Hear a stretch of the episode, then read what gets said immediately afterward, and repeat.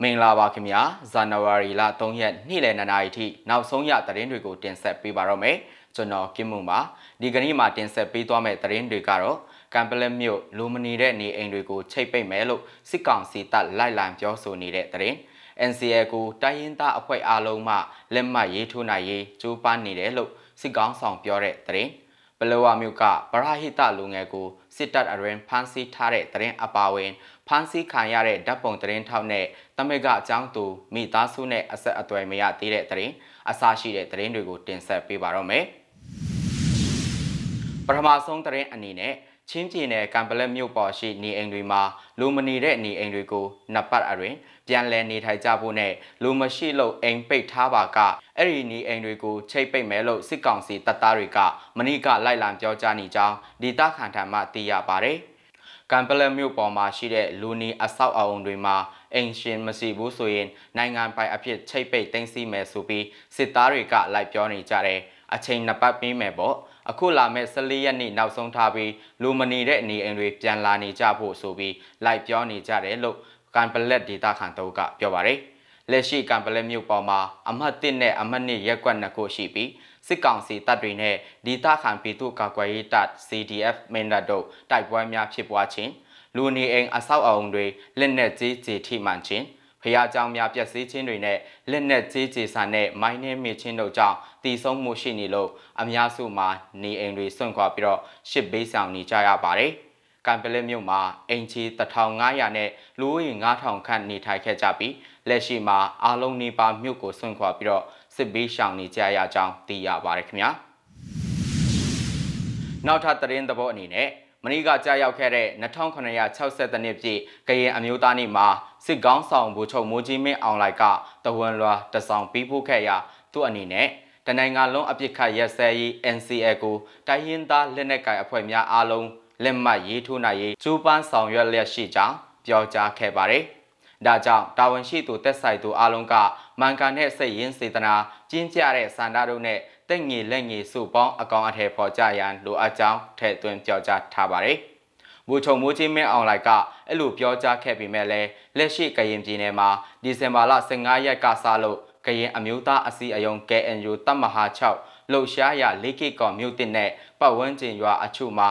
စစ်ကောင်စီတပ်တွေဝင်ရောက်လာလို့စစ်ကောင်စီတပ်နဲ့ကရင်အမျိုးသားလွတ်မြောက်ရေးတပ်မတော် KNL ဦးဆောင်တဲ့ပူးပေါင်းတပ်တွေကြားတိုက်ပွဲများပြင်းထန်ခဲ့ပါတယ်။စစ်တပ်ဘက်ကအင်အားသုံးတိုက်ခိုက်ခဲ့တဲ့အပြင်လေကြောင်းနဲ့လည်းပုံကျဲတိုက်ခိုက်ခြင်းတွေပြုလုပ်ခဲ့ပါတယ်။လေးကေကော်မြို့တစ်အရင်တိုက်ပွဲများကြောင့်လေးကေကော်မြို့တစ်နဲ့အနီးတစ်ဝက်ရွာများဖြစ်တဲ့မဲထော်တလီပဟိကလောမင်းလက်ပန်ဖလိုဂျီဖလိုလီယတိကို ထီမဲဝါကီအစရှိတဲ့ရွာများမှဒေသခံပြည်သူတထောင်ကျော်ခန့်ဟာထိုင်းမြန်မာနယ်စပ်စစ်ဆောင်စခန်းတွေမှာစစ်ဘေးရှောင်နေကြလျက်ရှိပါတယ်။အဲ့လိုကရင်ပြည်နယ်အရင်စစ်ကောင်စီတပ်နဲ့ဒေသခံတိုင်းရင်းသားတပ်ဖွဲ့တွေကြား တိုက်ပွဲများဖြစ်ပွားလျက်ရှိပေမဲ့လည်းစစ်ကောင်းဆောင်ကမူတဝန်လွာမှာကရင်တိုင်းရင်းသားများရဲ့တိုက်ပြည်အပေါ်ထားရှိတဲ့ကောင်းမွန်တဲ့စိတ်ထားတွေကြောင့်ငိမ့်ချမ်းရေးအတီးအပွင့်ကိုလက်ရှိသိစေခံစားနေရပြီးဖွံ့ဖြိုးတိုးတက်မှုတွေကိုလည်းထိတွေ့ခံစားနေရပြီဖြစ်ကြောင်းအဲ့လိုရရှိပြီးတဲ့ရလက်ကောင်းတွေကိုပုံမူတိုးတက်ဖြစ်ထွန်းအောင်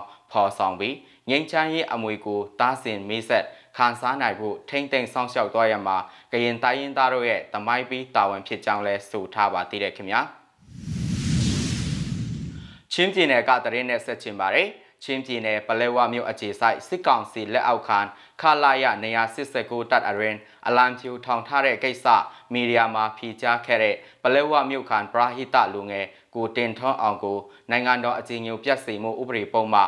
905ကကြီးနဲ့အမှုဖွင့်ပြီး ခလာရနေရာ89တပ်စခန်းမှဖမ်းဆီးထိန်သိမ်းထားကြောင်းမိသားစုနဲ့ရင်းနှီးသူတွေကမီဇီမာကိုပြောပါတယ်။အလံဖြူထောင်ထားတာကိုပြောလို့905ကကြီးနဲ့အမှုဖွင့်ထားတယ်လို့သိရတယ်။အခုခလာရနေရာ89တပ်ရင်းမှာထားထားတယ်။ကြားရတလောက်တော့ရိုက်တာနေတာမရှိဘူးလို့သိရတယ်လို့မိသားစုနဲ့ရင်းနှီးသူတို့ကပြောပါတယ်။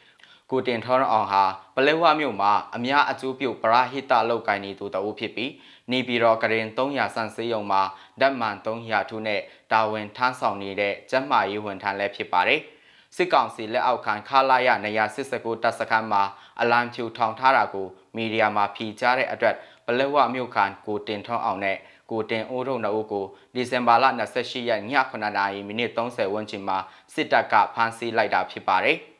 ဒီဇင်ဘာလ29ရက်နေ့ညနေ3:00နာရီခွဲဝန်းကျင်မှာကိုတင်အိုးကိုပြန်လည်လွတ်ပေးခဲ့ပြီးမဲ့လဲကိုတင်ထွန်းအောင်ကိုနိုင်ငံတော်အကြီးအကျယ်ပြည့်စုံမှုဥပဒေပုံမှ905ကကြီးနဲ့အမှုဖွင့်ပြီးတော့ရမန်ကြီးနှစ်ပတ်ယူပြီးနောက်ခလာရနေရာစစ်စိတ်ကိုတပ်စခန်းမှာထိန်သိမ်းလိုက်တာဖြစ်ပါတယ်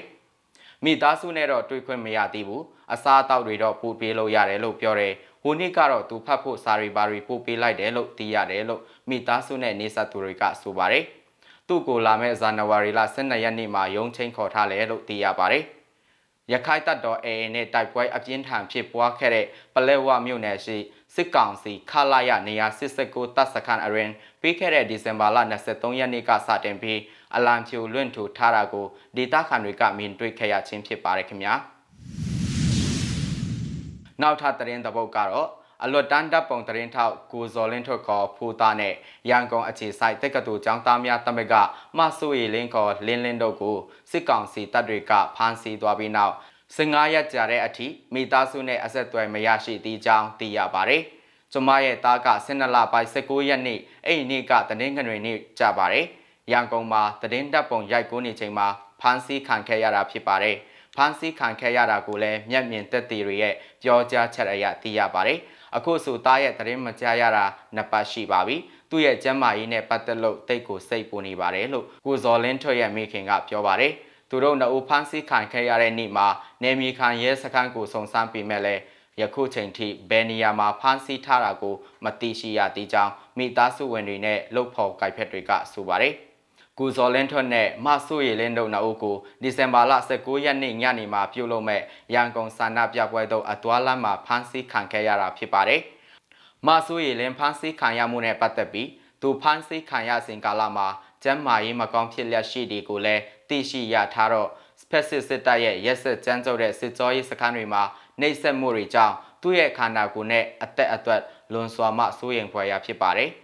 သူဟာအာနာသိန်းခံရစဉ်မှစ၍စစ်အာဏာရှင်စနစ်ကိုတပိတ်တိုက်ပွဲများတွင်ဦးဆောင်၍အစဉ်တစိုက်ဒေါ်လန်လာသူပုံကန်လာသူဖြစ်ပြီးတော့ရန်ကုန်အရှိပိုင်းတက်ကတူចောင်းသားများတမက်ကရဲ့ဥက္ကဋ္ဌတဦးလည်းဖြစ်တဲ့အပြင်အမျိုးသားတပိတ်အင်အားစုတစ်ခုဖြစ်တဲ့ Human Alliance ရဲ့အဖွဲ့ဝင်လည်းဖြစ်ပါတယ်။ဒါကြောင့်ကျွန်တော်တို့ရဲ့အမျိုးသမီးရဲဘော်ဖြစ်တဲ့မလင်းလင်းရဲ့စစ်ကြောရေးအရင်ဘေးကင်းစင်ရေးအခွင့်အရေးချိုးဖောက်မခံရရေး လင်အကြမ်းဖက်မှုမခံရရေးတို့အတွက် UN Human အပါအဝင် အခြားသောအမျိုးသမီးဆိုင်ရာအဖွဲ့အစည်းများလူအခွင့်အရေးဆိုင်ရာအဖွဲ့အစည်းများမှအလေးပေးစောင့်ကြည့်ကာဝိုင်းဝန်းတောင်းဆိုပေးကြစေလိုပါတယ်လို့ရန်ကုန်အခြေဆိုင်တက္ကသိုလ်ကျောင်းသားများတမကများမှတာဝန်ရှိသူတအုပ်ကပြောပါတယ်